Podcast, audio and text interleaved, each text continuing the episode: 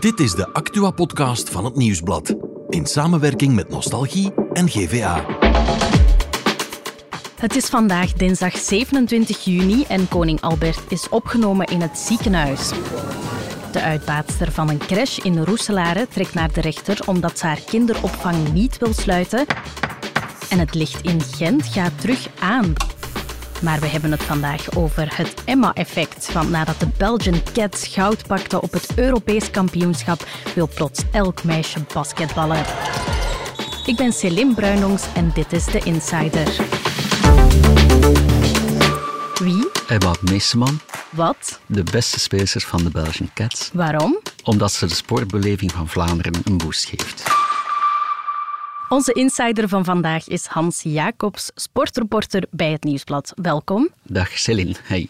Zondagavond heeft het vrouwenbasketbalteam de Belgian Cats het Europees kampioenschap gewonnen in een heel spannende match tegen Spanje. En de MVP of Most Valuable Player was Emma Meeseman. Wat was juist haar rol in die overwinning? Uh, je kan de vraag eigenlijk opdraaien. Wat was haar rol uh, niet uh, op het EK? Als Emma Meesman ergens op een veld verschijnt, dan speelt ze niet alleen zelf op een uitzonderlijk niveau, -hmm. maar laat ze ook de ploeg draaien. Uh, dat ze MVP is, wat eigenlijk dus wil zeggen de beste speelster van het EK, dat is lang geen uitzondering, want ze was ook al eens in Amerika, in de WNBA was ze uh -huh. ook al eens de beste speelster tijdens de finale, toen won ze een titel. En ze was ook al eens de beste speelster van de Euroliga. Dat kan je eigenlijk -hmm. vergelijken met de Champions League in het uh, voetbal. Uh, kortom, eigenlijk zou elke ploeg een Emma Meeseman bij ja? zich willen hebben. Uh, ja, ik ik heb ooit eens uh, het genoeg gehad om uh -huh. met Britney Griner aan tafel te zitten. Je kent die misschien meer van de dame die in Rusland in de gevangenis zat. Maar uh -huh. toen was dat echt wel de beste ja, ja. speelster van de wereld. En toen zei ze van, als ik kon, ik zou Emma meteen naturaliseren en in de Amerikaanse ploeg opnemen. Als zo'n grootheid dat, dat zegt, ja, ja, dan kun je een beetje verstaan ja, wat haar rol is of hoe, hoe uitzonderlijk zij eigenlijk ja. is. Hè. Ja. Wat is er dan zo bijzonder aan Emma Meeseman? Uh, Emma Meeseman die beheerst, uh, in het jargon heet dat de fundamentals, heet dat uh -huh. in het jargon. Dat wil zeggen, zij laat eigenlijk alles bijzonder simpel lijken, terwijl alles eigenlijk heel moeilijk is. Dat is de kunst de, de natuurlijk. Baas. En bovendien um, laat ze de anderen -huh. vooral uh, goed spelen. Meeseman is eigenlijk een machine, en dat is niet pejoratief bedoeld. Dat is als zij, als zij uh, op een veld staat, dan... Mm. dan uh, ja, die scoort, laat scoren. Uh, ze heeft trouwens op dat EK een historische prestatie geleverd, wat eigenlijk nog nooit iemand gedaan heeft. En dat is uh, een triple-double. Dat is uh, kort gezegd drie keer dubbele mm -hmm. cijfers. Dus meer dan tien assists en meer dan tien rebounds. En ze is de eerste die dat heeft gedaan? Ze is de of? eerste ooit die daarin lukt. Dus ja. uh, ze wilde eigenlijk niet van de bank tot iemand, want de Belgen stonden op dat moment al heel ruim voor. Mm -hmm tot iemand van, van de basketbalbond zei van... Uh, zeg, uh, je weet het toch, uh, als Emma nog één pas, één pas geeft, ja. was dat toen, heeft ze de triple-double. Okay. de coach heeft er dat vriendelijk gevraagd. Eerst zei ze, nee, ik doe dat niet. Mm -hmm. ze heeft naar het scorebord gekeken, we staan toch voor, waarom zou ik van de bank ja, komen? Uh, dan hebben we daar toch een beetje over gehaald. Om maar te zeggen, ze kijkt niet alleen, nee. dat interesseert... Oké, okay, die statistieken zijn mooi, maar dat interesseert haar niet, eigenlijk niet zo. Hè. Dus. Ja, ze wil nog steeds niet in de picture staan eigenlijk, maar ze is daar wel enorm in gegroeid, hè? Ja, want toen ze de eerste keer op het veld bij de Belgian Cats kwam, ze was toen 17 jaar... Uh, toen zei ze sorry, uh, omdat ze haar grote idool Ann Wouters afblokte. Dus eigenlijk okay, oei. in, in mensentaal kun je zeggen, ja, de bal afnam of uh, ja, zoiets. Niet soms sorry voor te zeggen. Niet soms sorry voor nee. te zeggen. Integendeel, dat is goed gedaan. Ja. terwijl nu, ze is, ze is echt ja, zelfverzekerd mm -hmm. geworden. Ze heeft dat moeten leren. Ze heeft dat, dat, is, dat is ook iets wat tegen haar natuur is. Ja. Want ze staat helemaal niet graag in de picture.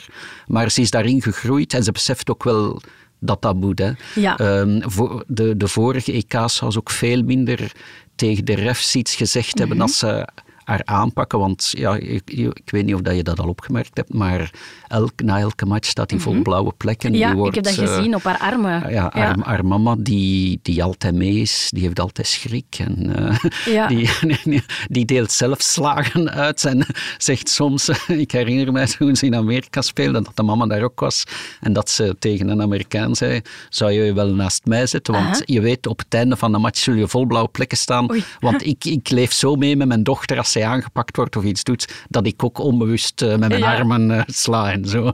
Dus maar om maar te zeggen, ze wordt eigenlijk altijd hard aangepakt. En mhm. nu heeft ze zelf ellebogen gezet, wat ze in, in, in, het begin zou dat nooit durven. En ze is zich eigenlijk wel van haar status bewust dat ze wel degelijk iets tegen de refs kan zeggen. Zoals mhm. bijvoorbeeld topvoetballers zoals ja, Messi of zo, die kan zich ook iets meer permitteren en tegen de refs zeggen, zeg, eh, zou je dit of dat... Uh, ja, en ze geeft ook meer interviews. Je hebt zelf ook de kans gehad om haar te interviewen. Hoe was zij als persoon?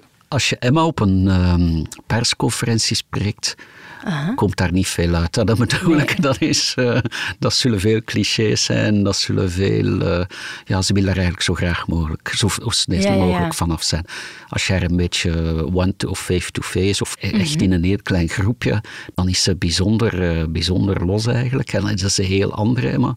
En in Turkije ben ik bij haar op bezoek mogen gaan dit mm voorjaar was dat. En, en uh, dan was ze af, allee, wat afgesproken in een, in een winkelcentrum. En nadien vroeg ze zich, uh, ik was daar voor TK Atletiek uh, ook. En toen vroeg ze, zeg ik zou graag Nafi eens, bekijken. Mm -hmm. Zou je niet eens zien of dat er toch nog kaartjes via de organisatie zijn? Toevallig waren er nog, nog twee kaartjes. En dan is ze met Amerikaanse ploeggenoten daar naartoe kunnen gaan. En ja, je wil niet weten hoeveel bedankjes dat je dan krijgt. En allee, dan is ze heel anders, snap je? Dus...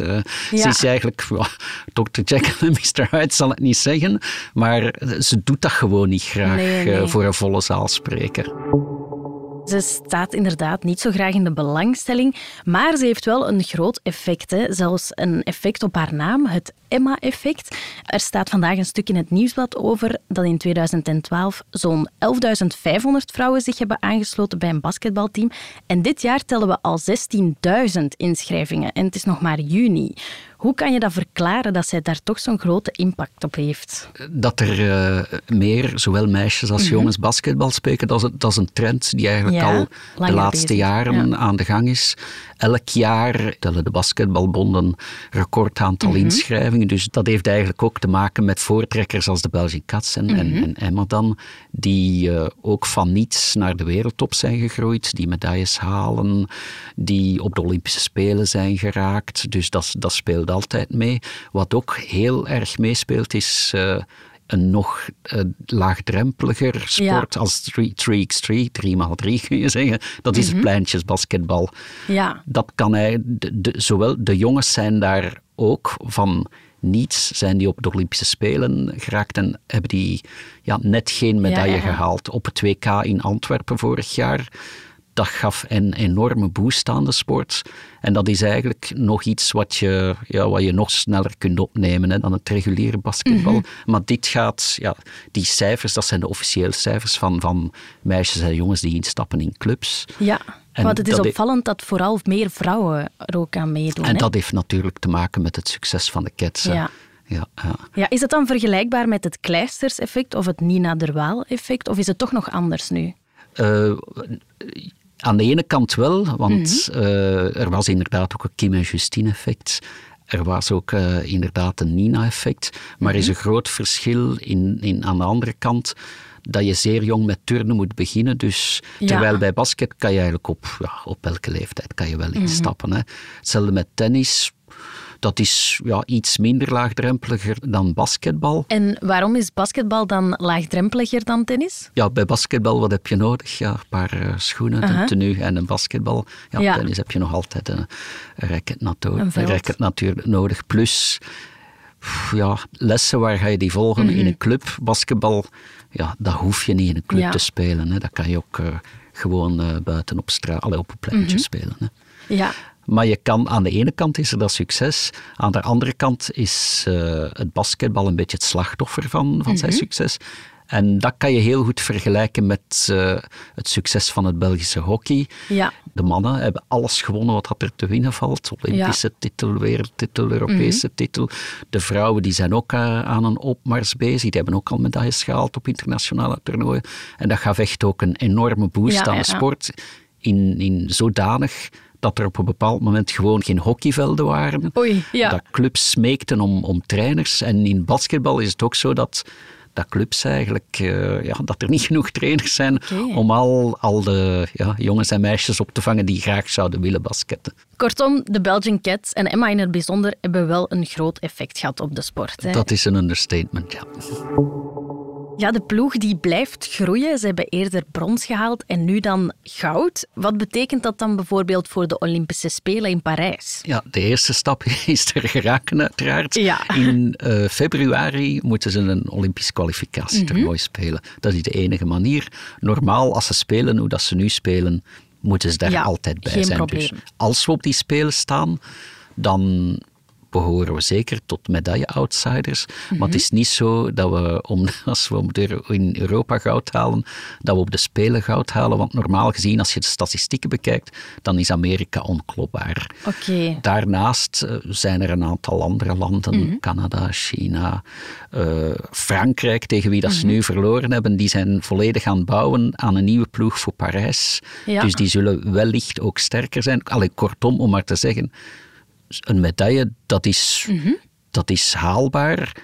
Maar voor hetzelfde geld uh, ja, vallen ze er ook naast. Maar dat ze dichtbij zullen zijn, dat is wel zeker. Het wordt dus nog een moeilijke opdracht. Maar de sfeer zit goed en ze hebben er ook zin in. Hè? Dat is altijd zo geweest en de sfeer die is eigenlijk altijd zo gebleven, ook mhm. met een nieuwe coach. Dat is een Fransman, maar wonderwel klikt dat ook. Uh, daar is een zeer goede match, omdat die heel open is. En wat ook altijd een blijver geweest is, dat is het uh, Uno-spelletje, dat is een kaartspelletje. Is dat het Emma Meeseman wordt niet snel kwaad, maar uh-huh. als je ze kwaad wilt hebben, dat is uh, haar niet doen winnen met Uno. Okay. Zij zegt, uh, ik win bijna altijd met Uno en ze kan zich daar echt in opwinden. En dat is favoriteit verdrijven op stages, op wedstrijden. Waar bij andere ploegen zijn er veel spelers die naar hun kamer gewoon mm -hmm. gaan de cats die, die, ja, die komen vaak bij elkaar om dat soort uh, dingen te doen. Ja. Ja, ja, goud in Parijs lijkt dus te hoog gegrepen. Maar tien jaar geleden... Wij duimen altijd, ja, voilà, nooit. Hè, dus. En tien jaar geleden leek goud op een EK ook onmogelijk. Hè? Dus wie weet, het is een mooie eerste gouden stap. Ja. Maar eerst natuurlijk deze overwinning nog vieren. Ze worden vandaag gehuldigd in Brussel. Wat staat er allemaal op het programma, Hans? Ja, eerst heeft premier Alexander de Croo toch nog de tijd gevonden om tussen de crisis door de ja. Cats te ontvangen. En daarna mogen de Cats naar het stadhuis van Brussel en dan worden ze gehuldigd op het balkon. Dat is eigenlijk iets wat alleen uh, voorbehouden is aan ja, de Rode Duivels. Ja, ja de hockeymannen, de Olympische ploeg, dus echt wel iets bijzonders. En Emma mhm. Meeseman die riep gisteren bij aankomst in de luchthaven al op, ik hoop dat er zoveel mogelijk volk zal zijn. Allen daarin. Voilà. Heel erg bedankt, Hans, om dat allemaal voor ons uit te leggen. Geen probleem. En tot op de gouden medaille of een ander podium in Parijs. Dat spreken we af. Zeg, schatje, gaan we niet even buiten of zo? Ja. Ik zoek een fietsroute. Ja, of langs een speeltuin Of een twee dagen van huis en de kinderen bij uw zus fietsroute. Wandelen fietsroutes in Oost-Vlaanderen. Kort, lang, rustig of vol avontuur? Routen. We hebben het voor jou op routen.be. En natuurlijk is er vandaag nog ander nieuws. En daarvoor schuift producer Joni bij ons aan tafel. Dag Joni. Dag Celine. Koning Albert is opgenomen in het ziekenhuis. Wat is er aan de hand? Ja, die is onwel geworden. Dus die vertoonde uitdrogingsverschijnselen, maar is wel bij bewustzijn. Ja? En ze hebben hem eigenlijk meer uit voorzorg naar het ziekenhuis gebracht om even te controleren of alles in orde is. Ze zijn hem nu nog volop aan het onderzoeken en uit die onderzoeken zal blijken hoe lang hij in het ziekenhuis zal moeten blijven. En moeten we ons zorgen maken? Nee, de eerste tekenen zijn wel geruststellend. We weten wel dat koning Filip zijn bezoek aan de UGent van vandaag heeft uitgesteld, omdat hij, denk ik, tijd met zijn vader wil doorbrengen. Maar hopelijk komt alles snel goed. We duimen. En de uitbaatster van een crash in de Roeselare gaat juridische stappen ondernemen tegen de sluiting van haar kinderopvang. Hoe komt dat? Ja, zij moet haar crash sluiten van het agentschap opgroeien. Mhm. Dat agentschap sluit vaker crashes. Dat komt door verschillende redenen, maar bij haar zou het zijn omdat er tekorten vastgesteld zijn. Zij zegt zelf dat het enkel om administratieve problemen gaat, dat er nooit iets ergs is gebeurd met mhm. kinderen. En ook haar advocaat zegt dat er fouten zijn in het inspectieverslag en dat de inspectie strenger zou zijn voor zelfstandige organisatoren van crashes dan voor crashes die deel zijn van grotere koepels of van steden. Ja, en hoe reageert het agentschap daar dan op? Ja, die ontkennen alles, maar sinds het dodelijke drama in het Sloeberhuisje is het wel heel duidelijk dat ze strenger zijn gaan optreden. In 2021 waren er maar 12 schorsingen en 7 sluitingen van crashes, terwijl een jaar later waren dat er 44 schorsingen en 37 mhm. sluitingen. Dus ja, die willen liever te vroeg sluiten uit voorzorg, mhm. of ja, of vroeg gewoon, dan opnieuw zo'n drama méi mecker.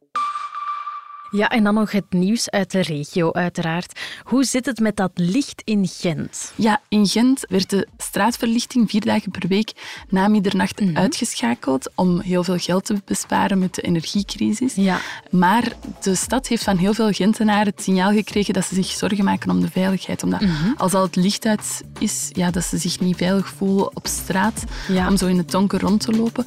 Dus nu is er beslist om vanaf volgende week toch terug al het licht aan te zetten. Oké, bedankt Joni om dat uit te leggen voor ons. Graag gedaan. En morgen zijn we er weer met een nieuwe Insider.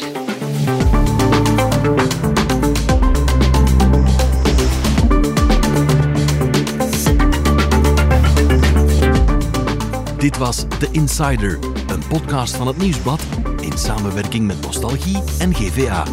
De muziek is van Pieter Santens. De montage gebeurde door House of Media.